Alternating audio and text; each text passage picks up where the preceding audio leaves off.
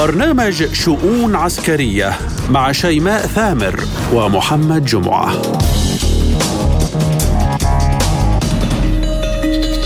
ملفات عسكرية وشؤون جديدة من وكالة سبوتنيك الإخبارية بموسكو نتناوب على تقديمها أنا شيماء ثامر. وأنا محمد جمعة نستهلها بأبرز العناوين. الإدارة الأمريكية بصدد تقديم وسائل دفاع جوي لأوكرانيا والبنتاغون يعدل على صواريخ هيمرز منعا من سقوطها بيد موسكو. العراق يرغب بتعاون عسكري مع موسكو ولكن واشنطن تعيق ذلك. موسكو وواشنطن يعطيان أردوغان سببا لتأجيل العملية في سوريا.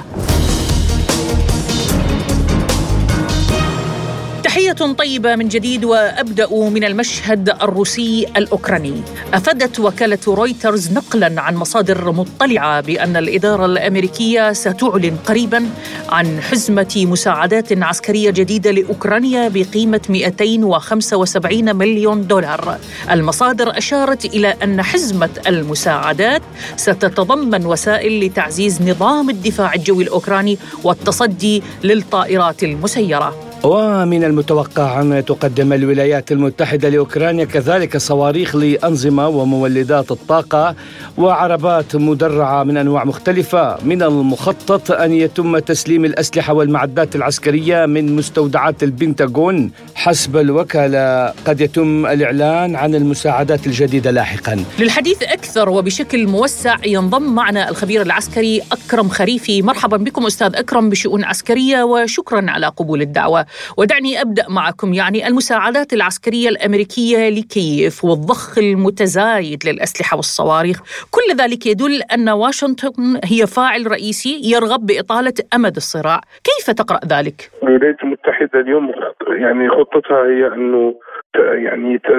تعمل بجد عن أن تكون مدة هذه الحرب آه، طويلة. ليس لإنهاك روسيا لأنها تعرف أن روسيا لديها قابلية للتصدي ول آه، يعني المضي قدوما مع الحرب آه، اللي راهي فيها الآن. لكن ربما لإنهاك أوروبا أو استغلال ضعف أوروبا. وهذا عشان آه، يعني الولايات المتحدة يعني تعيد تزويد الدول الأوروبية والجيوش الأوروبية بأسلحة جديدة. آه، هذا السباق في التسلح أنا أراه ك آه، يعني كنية اقتصادية قبل ما تكون نية حربية أو لها تداعيات حربية ضد روسيا. آه، اليوم الهيكل آه، هيكل الصناعات العسكرية الأمريكي في حاجة باسة آه، ل يعني لسوق جديد ولبيع منتجات لدول العديد من الدول في العالم. ونرى أن اليوم تقريبا كل دول الناتو أنهكت كل مخازنها من الأسلحة. وأنهكت كل مخازنها من الذخيره ولذا أنا أنا أنا لا أرى آه، هذا ك ربما آه، تصعيد ضد روسيا أكثر منه آه، لعبة اقتصادية لإنعاش الاقتصاد العسكري الأمريكي. بالطبع هذا يصب في صالح أوكرانيا وهذا يمثل خطر يعني حتى على الأوكرانيين لأن آه، تمديد في آه، طول الحرب آه، ليس ليس حل لأوكرانيا للشعب الأوكراني والجيش الأوكراني الذي رأينا أنه دمر يعني كم من مرة. بصفة تقريبا كلية واعيدت وأعيد بناؤه من من الصفر بمعدات غربية وبالخصوص أمريكية. طيب أستاذ أكرم يعني اليوم الحديث سرا ضمن الدفاع الأمريكية عن أن واشنطن استخدمت مخزونها الحربي في تزويد كييف بالأسلحة، لماذا تجازف الولايات المتحدة بهذا المخزون؟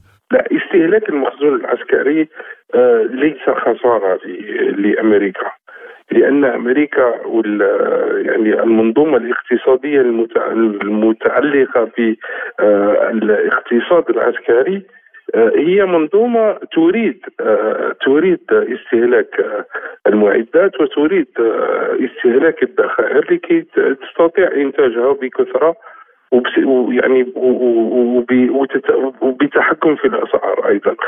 معناه أنه آه، أنا لا أرى خطر الحقيقة لا أرى خطر على روسيا. لماذا؟ لأن اولا روسيا هي يعني بصفة عامة أقوى دولة من ناحية الدفاعات الصاروخية الجوية.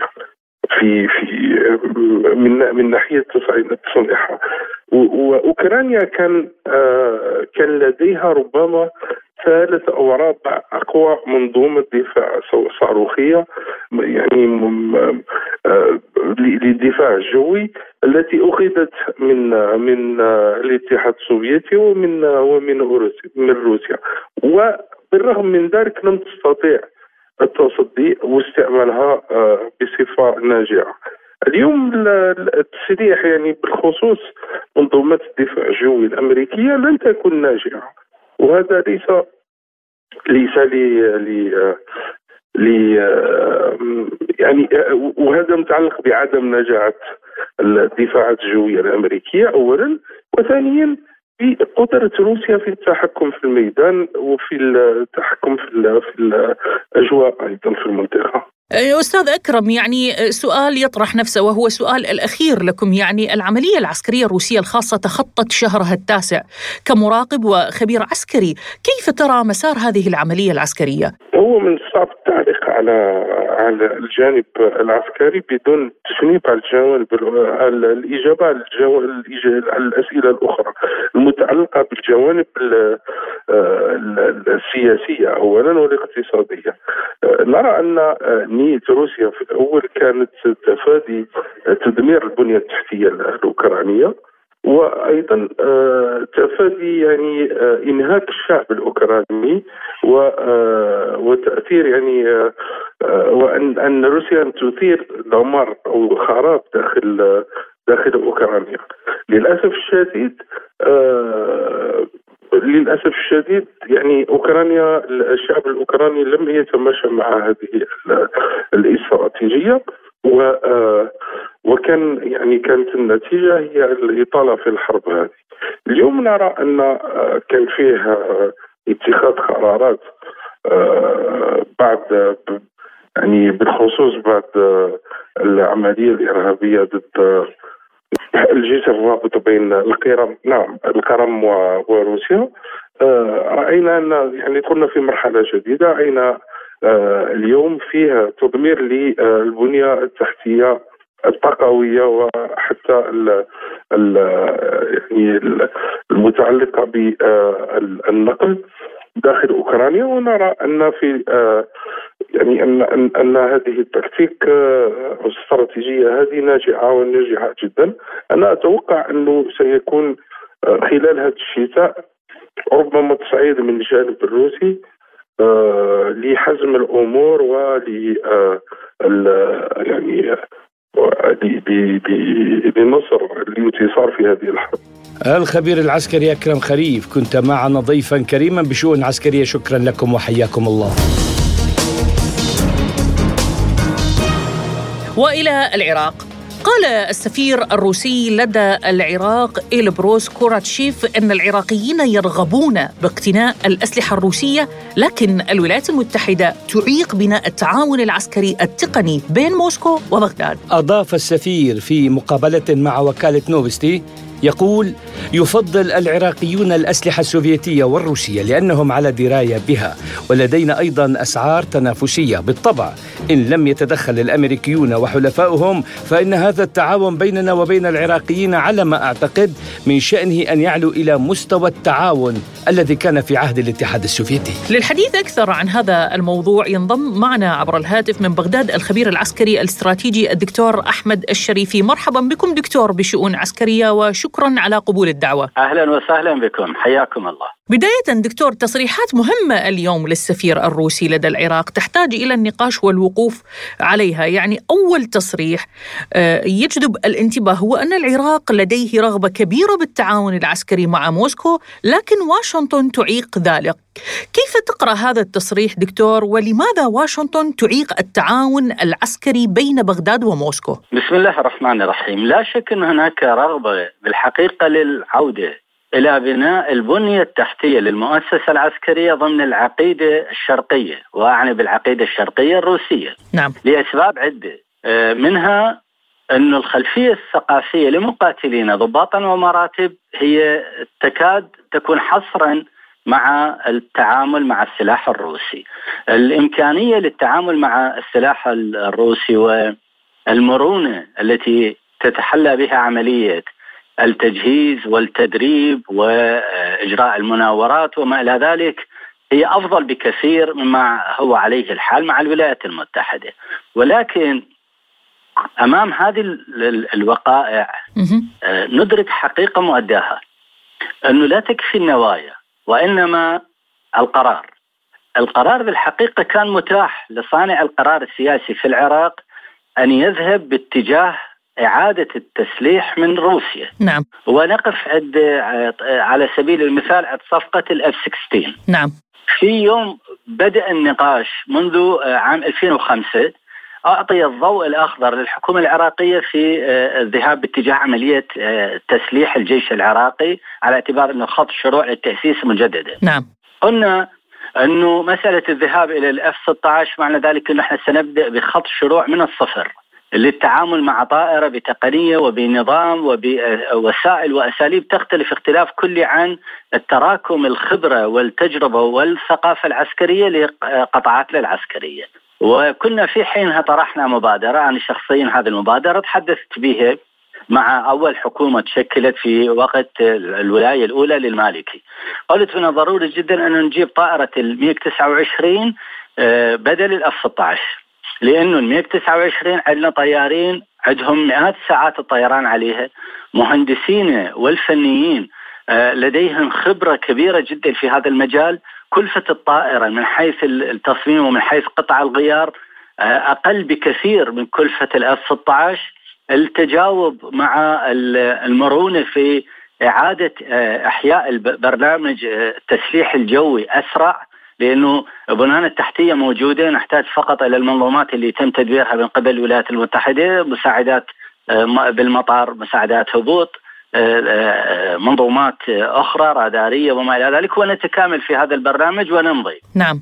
القرار كان خللا بالحقيقة بالمنتظم السياسي، لأنه المنتظم السياسي كان ينظر إلى مسألة تثبيته في الحكم ومسألة مجاملة الولايات المتحدة في أي مجال بما فيها الجيش والذهاب باتجاه القبول بهذه المعادلة. علما أنه أيضا الدول التي كانت متدخلة إقليميا آه، لم تكن ترغب في إعادة بناء الجيش العراقي مجددا. نعم. لذلك دفعت اللزوات السياسية للنخب السياسية إلى عدم الاكتراث إلى مسألة تسليح الجيش العراقي ومجاملة الأمريكان في هذا المجال ثم الأهم من ذلك أن دول الجوار التي كانت ترعى وتدعم المنتظم السياسي بشقيه بالتحديد السني والشيعي ما كانت ترغب في أن يكون هناك جيشا قويا في العراق فلا نلقي فقط باللاعمة نعم الولايات المتحدة كانت رغبتها نعم. أن نبقى تحت هيمنتها عسكريا ولكن كان بإمكان آه، لو كان هناك وجود لقرار سياسي قوي وجريء وواعي. كان بامكاننا ان إحنا نروح نتسلح وما عندنا مشكلة. والدليل إنه إحنا يوم دخل داعش واحتجنا إلى آه، سلاح.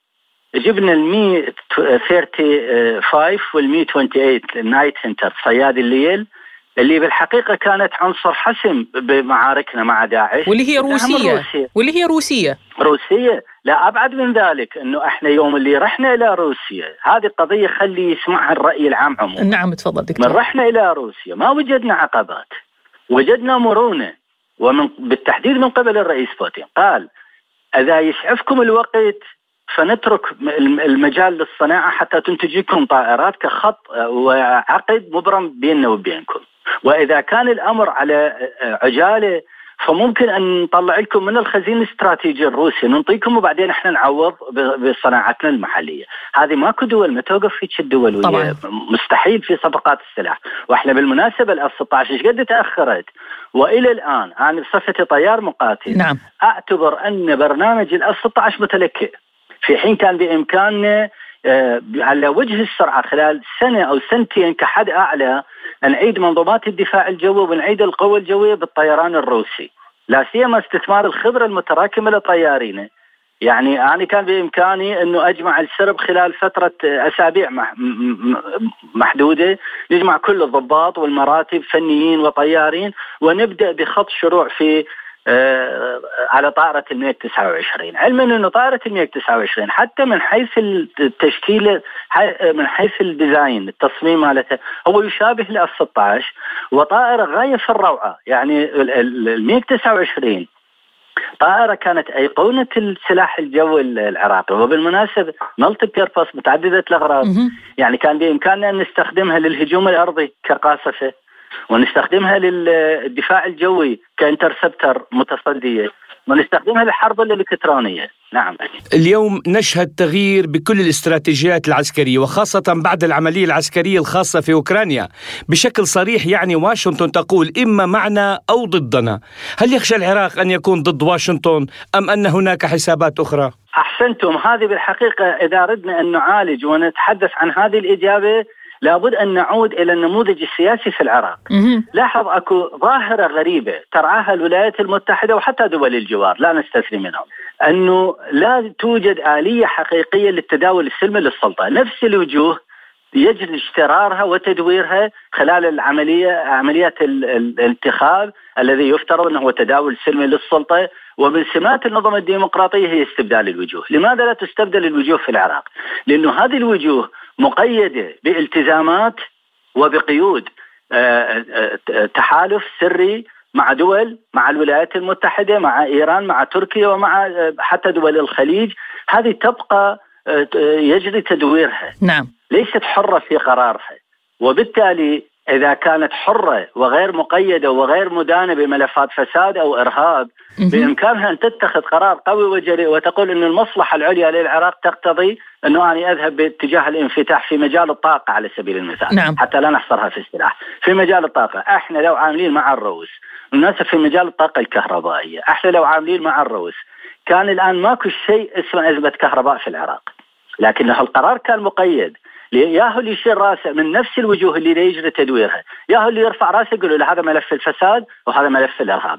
فأبقى قيد أنت القرار لمصالحنا وأبقى أنت في العملية السياسية. ولا ليش بيستطيع القضاء أن يطيح بهم الفاسد والإرهابي؟ يبقى تدويرهم ويعاد انتاجهم بالانتخابات مرة أخرى حتى يبقى القرار مقيدا وبعيدا عن الدور الوطني. طيب دكتور لو نأتي عذرا المقاطعة لو نأتي للحديث بشكل آخر يعني اليوم تكلفة السلاح الأمريكي أربع مرات أكثر من تكلفة السلاح الروسي. أضف إنه الولايات المتحدة تحتكر الصيانة عندها. طيب ما الذي يجبر العراق بعيدا عن القيود السياسية والمصلحة السياسية الشخصية لمتداولي السلطة بالعراق اليست هذه يعني تكلفة مادية للبلد؟ نعم هي تكلفة مادية.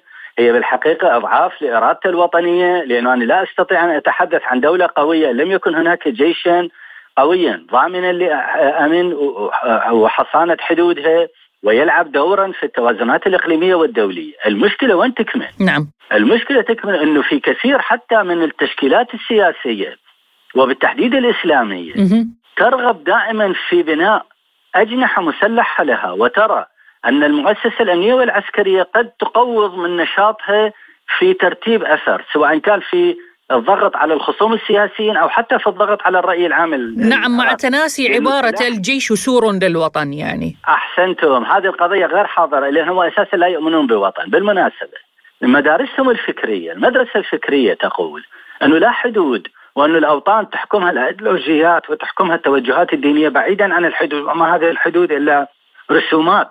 وفي مصر قيلت كلمة من من خط إسلامي وهو الخط الإخواني. نعم. يقول ما الوطن إلا حفنة من تراب عفن. إذا كانوا ينظرون إلى البعد الوطني هالشكل فما ما هو دور آه، المؤسسات الضامنة لحصانة الوطن وهي وأهمها وأبرزها المؤسسة العسكرية. فإحنا عندنا خلل في البعد الأيديولوجي الذي بالحقيقة يعادي مسألة قيام دولة المؤسسات لصالح دولة الأحزاب. وعندنا إحنا بالعراق أصلا صراع بين المؤسسة وبين الحزب.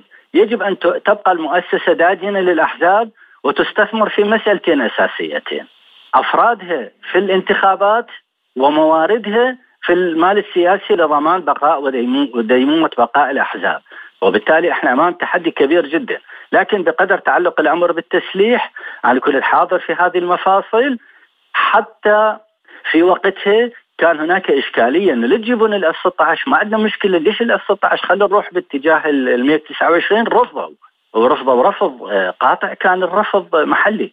وإلا ما كانت ما كانت أكو عصا أو سيف مسلط على رقاب صانع القرار السياسي باتجاه أجد أنا مصلحة إنه أنا أجيب ال 129 وعندي مبرراتي. لو جاي ال 129 الآن المفارقة الغريبة إن طيارين وين قاعدين؟ رجعوا إلى وزارة الدفاع قاعدين بدون طيران، هو طيار 129 دا أنطيه راتب.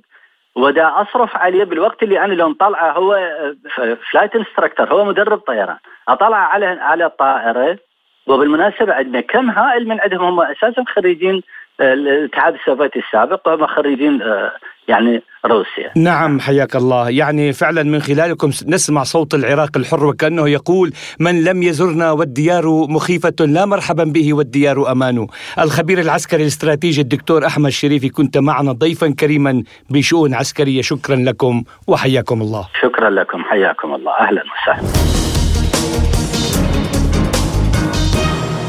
وإلى المشهد في سوريا. كتبت صحيفة نيزافيسمايا غازيتا أن دبلوماسيين روس يتوجهون إلى تركيا لإجراء محادثات حول مسائل إشكالية فيما أعلن وزير الخارجية التركي مولود شاويش أوغلو أن موسكو وأنقرة يجب أن تجري اتصالات بما في ذلك بشأن القضية السورية على خلفية تهديدات أنقرة بشن عملية برية في سوريا. عرضت الولايات المتحدة على أنقرة حلا وسطا بشأن سوريا. للحديث عن هذا الموضوع نستضيف معنا من دمشق الخبير العسكري الاستراتيجي اللواء رضا شريقي. أهلا بكم سيادة اللواء و كل الشكر لقبول الدعوة. دعني أبدأ معكم سيادة اللواء. هل ستقبل تركيا مقابل عدم التوغل بشمال سوريا بإعادة هيكلة قوات سوريا الديمقراطية وإخراج أولئك الذين لا تثق بهم تركيا منها؟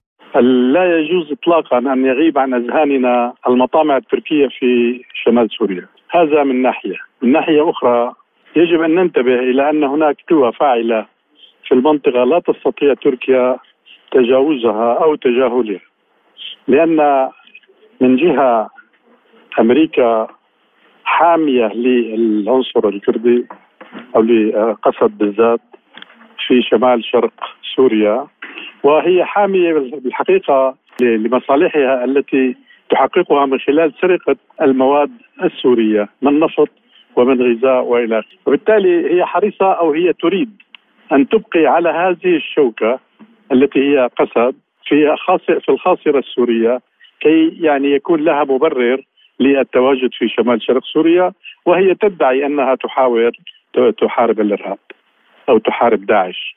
في حين أن داعش أصبحت في يعني في في في مكان آخر ولا تستطيع اطلاقا الفعل المؤثر الكبير على الوضع في سوريا مهما بلغت من التآمر مهما بلغت من التخفي. روسيا من جهة ثانية ستحاول أن تعمل من خلال أستنا على التفاعل الحقيقي والصحيح مع الجانب التركي لدرء خطر الإتراك عن سوريا من ناحية ولاخراج العصابات الإرهابية من شمال غرب سوريا من ناحية أخرى ولإعادة الأمن والاستقرار إلى الشمال السوري بشكل عام، فهذه أمام هذه المعطيات تركيا تلعب.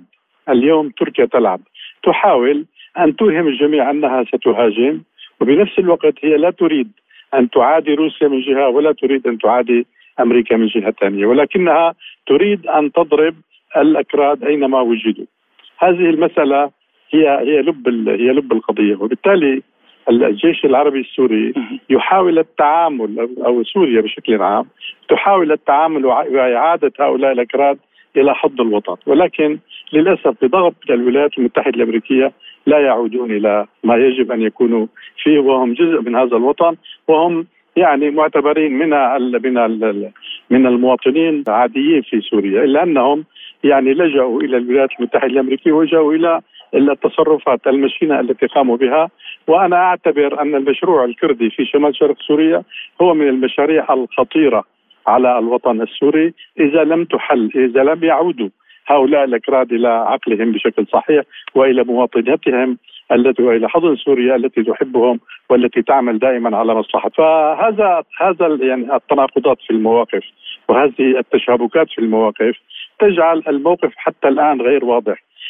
تركيا لا تستطيع أن تنفذ دون يعني ضوء أخضر من الولايات المتحدة الأمريكية ومن روسيا وهي تريد أن يعني خاصة أردوغان اليوم يريد أن يلعب على هذه الورقة كي يقنع المواطنين الأتراك بانتخابه في الانتخابات القادمة. هذا يعني أحد المحاور أو أحد الاتجاهات التي يلعب عليها آه، أردوغان ل يعني جلب أو لجذب اصوات التركية لجانب حزب العدالة والتنميه. سيادة اللواء، هناك من يستبعد هذا التطور للأحداث ويرجح أن تبقى واشنطن ملتزمة بالتحالف العسكري الذي يهيمن عليه الأكراد كجزء من عملية القضاء على خطر داعش، كيف تقرأ هذا الموقف؟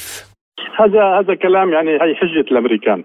هذه حجة للأمريكان كي يبقوا ينهبون أرزاقنا وينهبون بترولنا وقمحنا وقطننا وإلى آخره ولكن هذا لن يدوم بقليل من الوعي.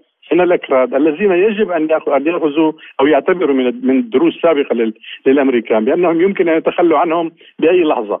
من هذه الزاوية بعودة العقل إليهم يمكن أن يعودوا الأكراد. ومجرد أن يلمحوا بأنهم سيتعاملون بشكل وطني مع الجيش العربي السوري أو مع القيادة في سوريا تنتهي الأمور بشكل كامل، لأن الأمريكان لا يستطيعوا البقاء في شمال سوريا إذا لم يعتمدوا العنصر الكردي أو قسد بالذات في في التواجد في شمال شرق سوريا، فهذا أمر يعني الولايات المتحدة الأمريكية يعني للأسف آه، يعني تحاول البقاء قدر الإمكان في شمال سوريا وهي يعني بنفس الوقت عندها عندها قضايا استراتيجية كبرى في العالم اجمع أن كانت بأوكرانيا أو كانت في في جنوب شرق آسيا مع مع الصين وغيرها.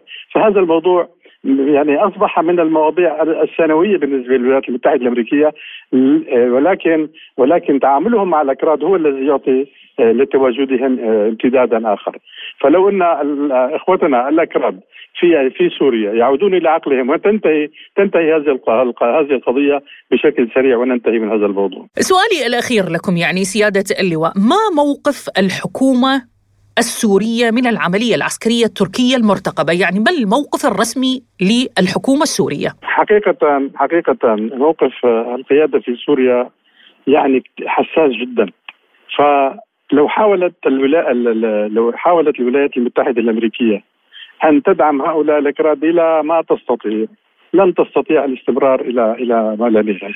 وبالتالي من الواضح تماما أن الأكراد آه، مثل ما قلنا لو إنه يعودوا يعودوا إلى عقلهم قليلا تنتهي هذه القضية، هذا من جانب من جانب الأمريكي، من جانب الجيش العربي السوري والقيادة في سوريا.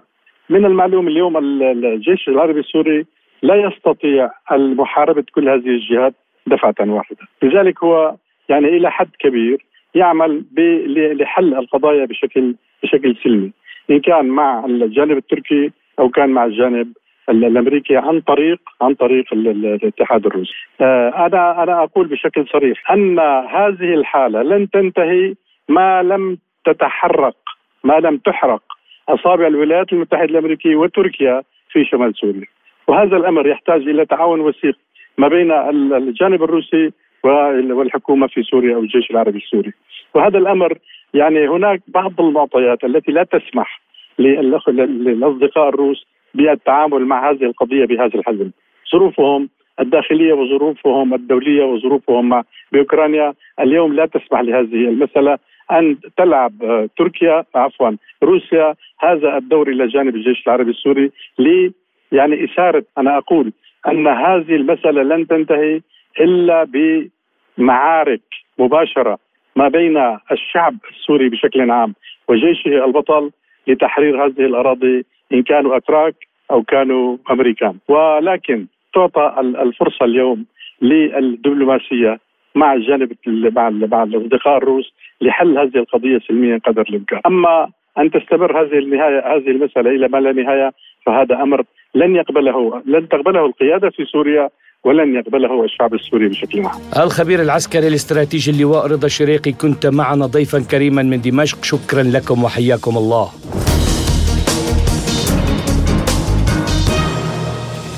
إلى هنا نصل وإياكم مستمعينا الكرام إلى نهاية حلقة اليوم من شؤون عسكرية. سلطنا بها الأضواء على الكثير من الملفات العسكرية.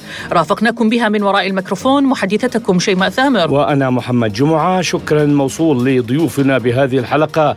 كل من الخبير العسكري أكرم خريف والخبير الاستراتيجي الدكتور أحمد الشريفي والخبير العسكري اللواء رضا شريقي. للمزيد يمكنكم زيارة موقعنا الإلكتروني. سبوتنيك dot ae. دمتم بأمان الله وحفظه. Bye.